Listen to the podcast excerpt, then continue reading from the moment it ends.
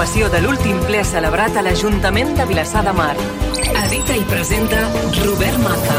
Sigueu benvingudes, sigueu benvinguts a aquesta nova edició de les veus del ple. La sessió plenària d'aquest passat dijous 19 d'octubre, que vam retransmetre en directe, va aprovar provisionalment la modificació de diferents ordenances fiscals pel 2024. La sessió va aprovar també l'inici de l'expedient per determinar el canvi de modalitat de la gestió del servei d'escoles Bressol i va rebutjar una moció del Partit Popular contra la tramitació d'una llei d'amnistia.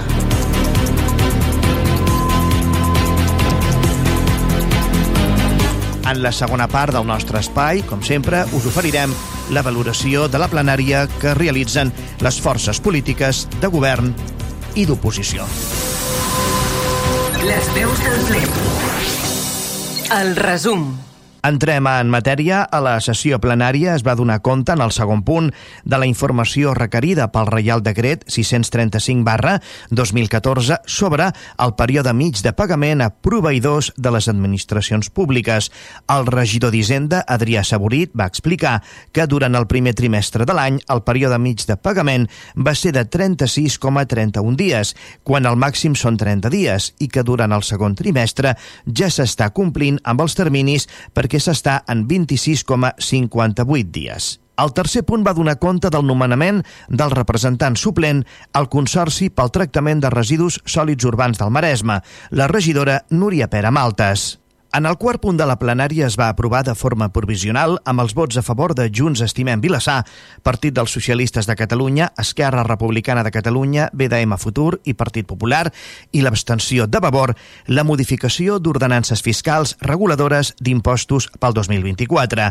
Tal com va explicar el regidor d'Hisenda, Adrià Saborit, les modificacions proposades obeeixen bàsicament a l'adequació normativa i millores tècniques en la redacció d'alguns articles, és a dir, es modifiquen alguns dels textos però no els tipus impositius. Saborit va destacar els dos canvis més importants l'ampliació del període màxim per sol·licitar la bonificació de l'impost sobre béns immobles l'IBI en la instal·lació de plaques fotovoltaiques que passa de 3 a 12 mesos i la inclusió en el text de la taxa de vehicles de tracció mecànica de la bonificació pels vehicles elèctrics, a més de canvis en l'ordenança fiscal número 1, reguladora de l'IBI, i de l'ordenança fiscal número 3, reguladora de l'impost sobre vehicles de tracció mecànica.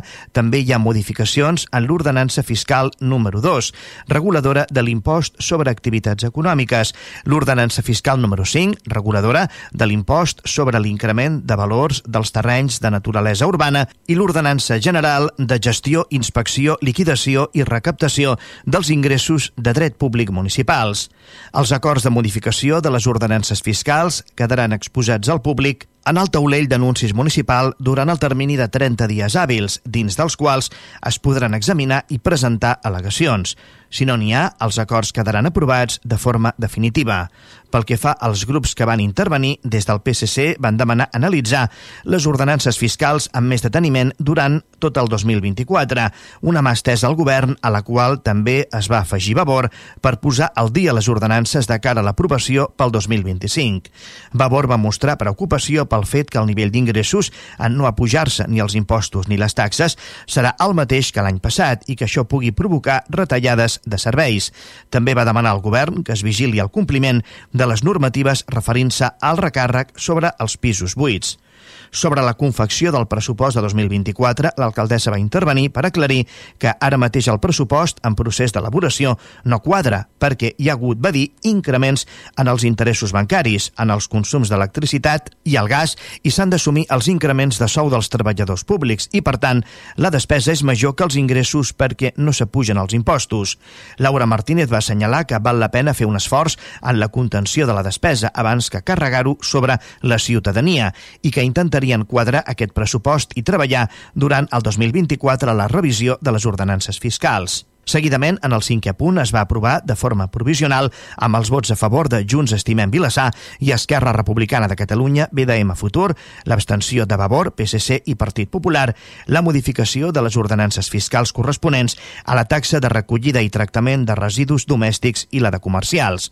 El regidor d'Hisenda i Medi Ambient, Adrià Saborit, va explicar que el nou contracte de recollida, transport i tractament de residus té un augment d'aproximadament 200.000 euros i que el cost del servei no és només aquest contracte, sinó que també s'han de sumar els increments en el cost del Consorci de Tractament de Residus i la deixalleria, augments als quals s'afegeix la disminució dels ingressos que provenen dels retorns de cànons en funció del preu del paper, del plàstic o del vidre, segons el reciclatge que es fa.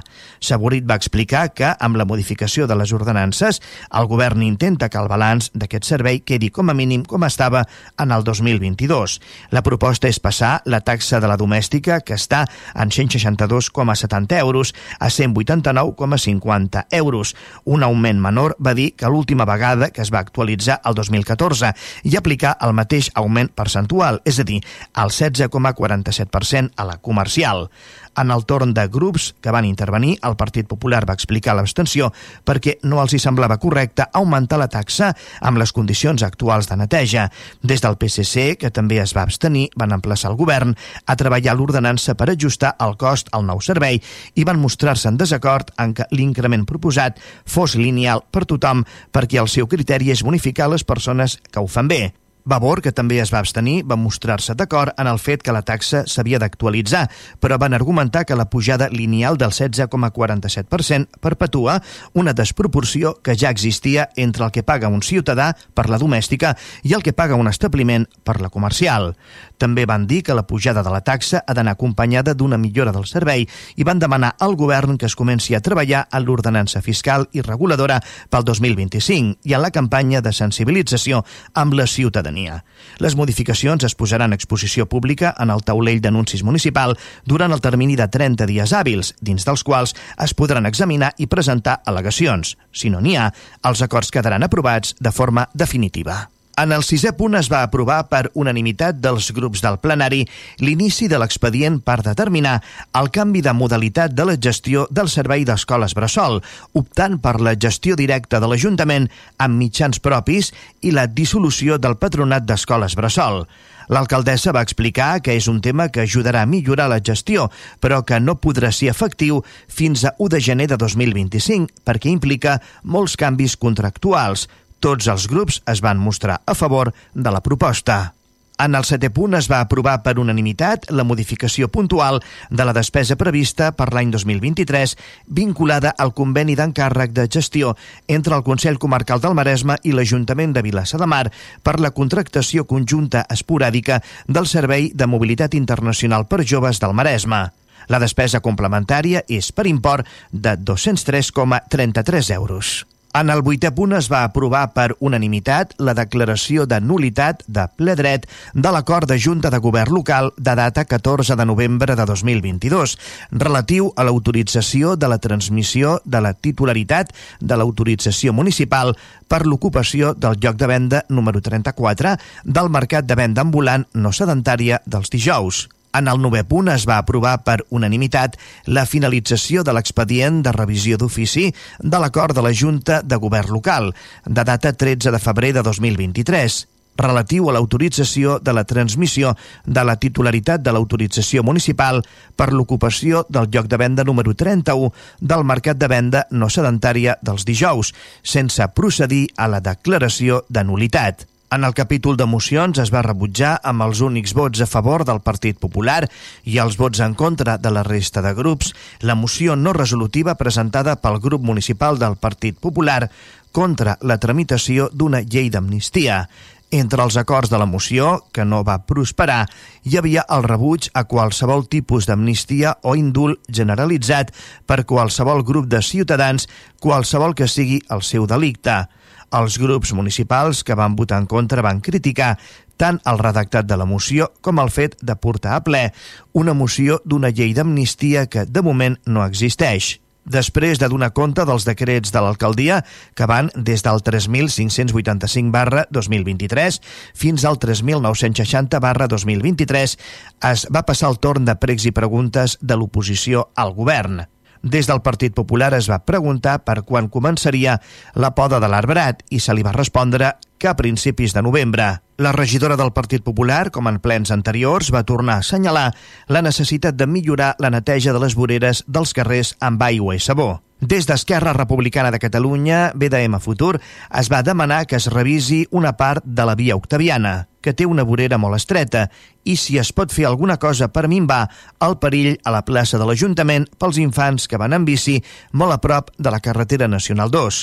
Com a prec van demanar que es revisi el reglament de mitjans de comunicació municipals per tal que els textos dels escrits polítics puguin incorporar fotografies, gràfics o enllaços. I finalment també van fer un prec a la resta de grups per tal de poder redactar una moció conjunta sobre el conflicte a Palestina per la gravetat dels fets. Des del Partit dels Socialistes de Catalunya van preguntar si es continuarà oferint el mateix servei de mobilitat internacional jove i des del govern li van respondre que és el Consell Comarcal del Maresme qui posa les condicions del servei. El Partit dels Socialistes de Catalunya també va preguntar si s'ampliarà el servei de l'autobús urbà els diumenges i festius i sobre si està sobre la taula modificar la distribució dels col·legis electorals.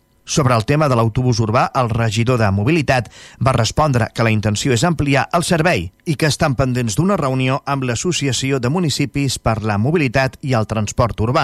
I sobre la distribució dels col·legis electorals es va respondre que hi ha la voluntat de replantejar-los. També van fer un prec per arreglar la vorera de Manuel Roca 94. I el regidor de Via Pública va respondre que en tractar-se d'un gual d'un establiment, aquest tram de vorera és responsabilitat de l'establiment.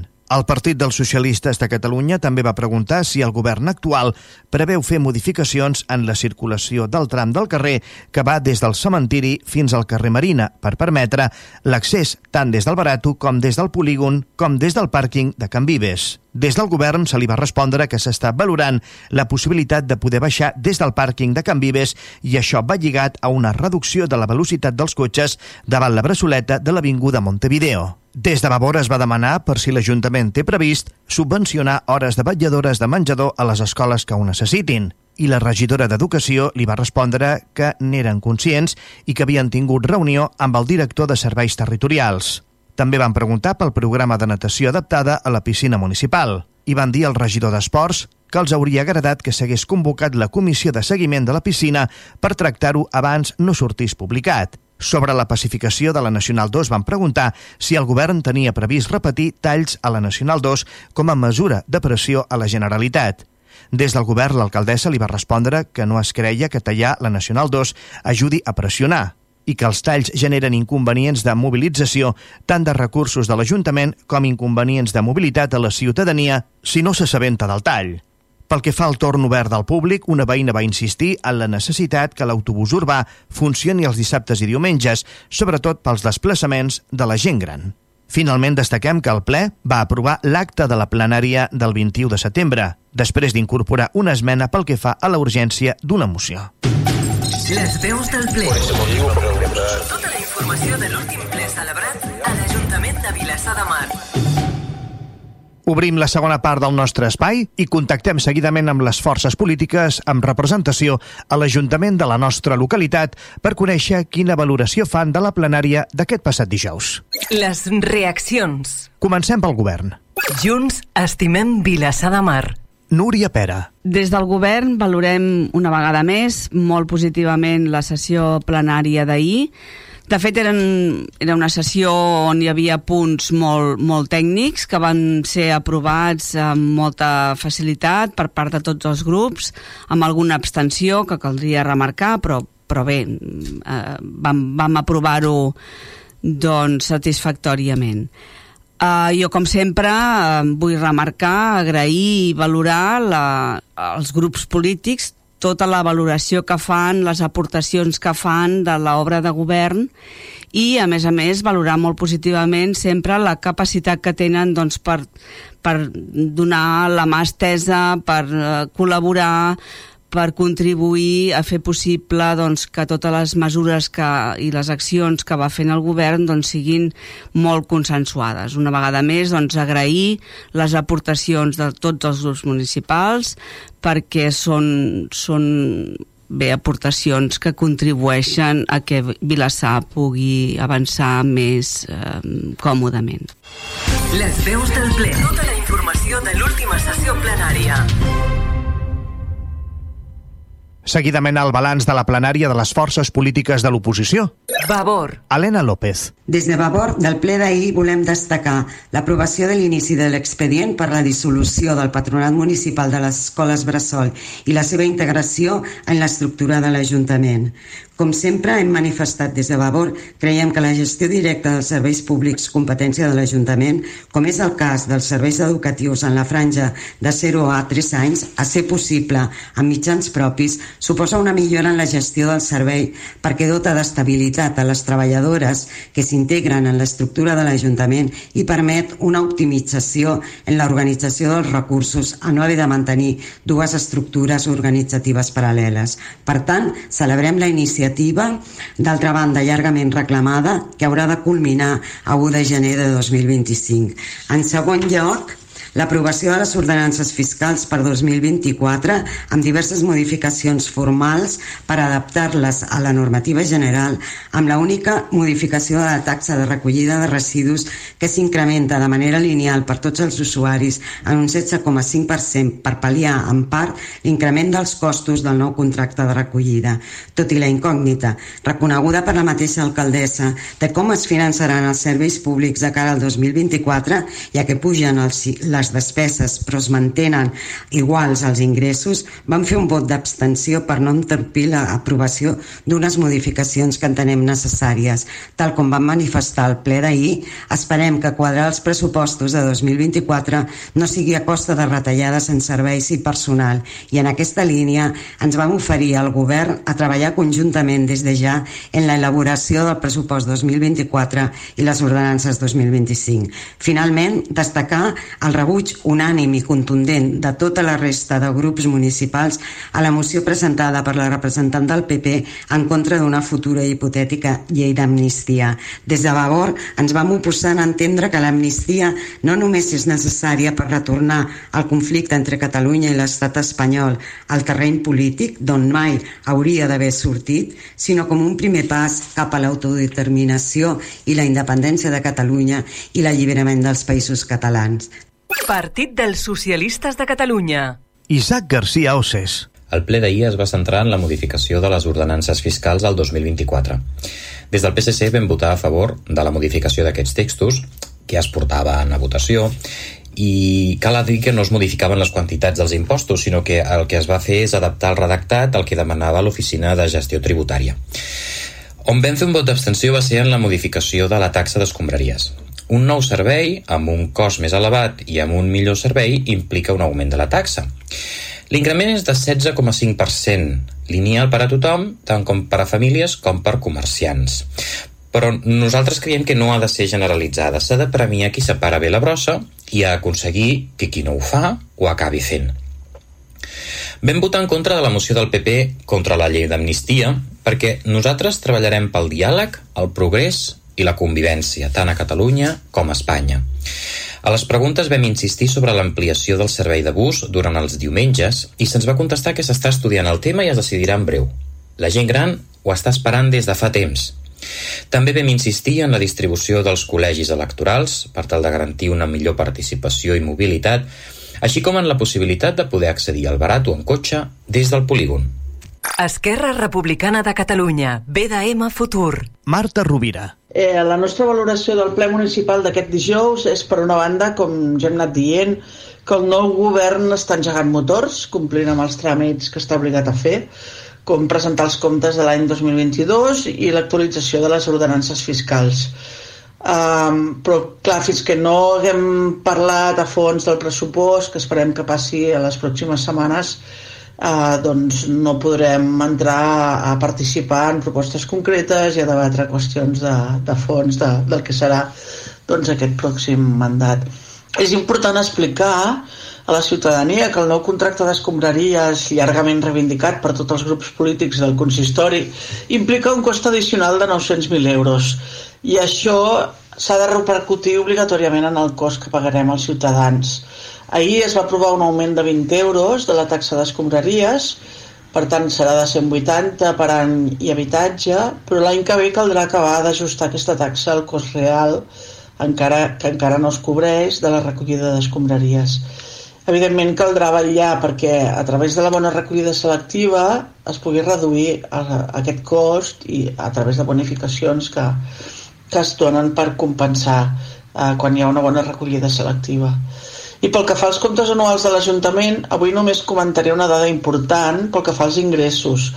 Un 65% dels ingressos provenen de l'IBI, de les taxes i cobraments municipals un 24% prové de l'Estat, un 7% de les altres administracions com la Generalitat, Diputació, eh, Consell Comarcal i un 4% d'ingressos patrimonials i altres qüestions menors.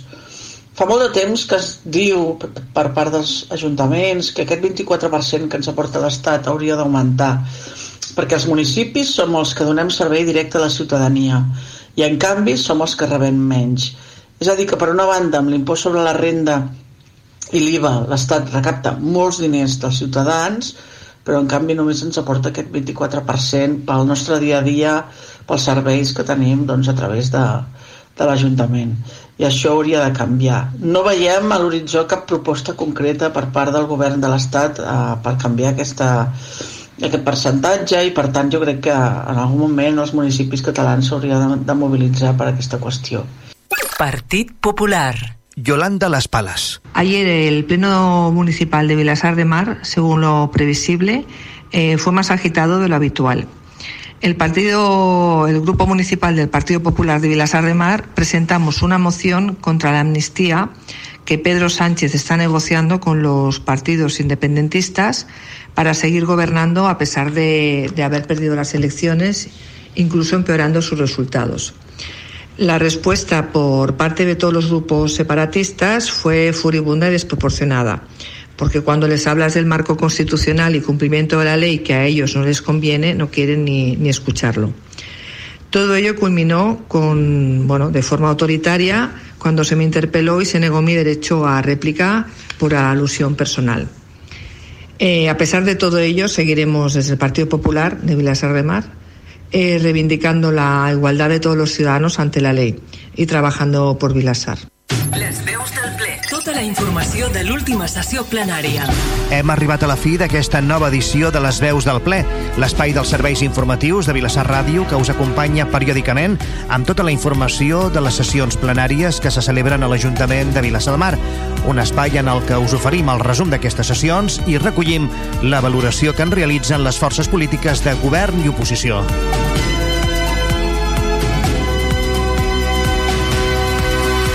Recordeu que podeu tornar de nou a sentir les veus del ple i les sessions plenàries si entreu al web de Vilassar Ràdio que té com a adreça vilassarradio.cat i aneu a la pestanya Ràdio a la Carta.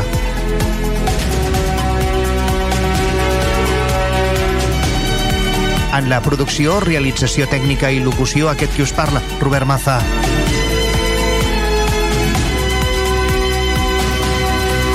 Moltíssimes gràcies per acompanyar-nos un dia més. Us esperem la propera edició de Les Veus del Ple. Les veus del ple.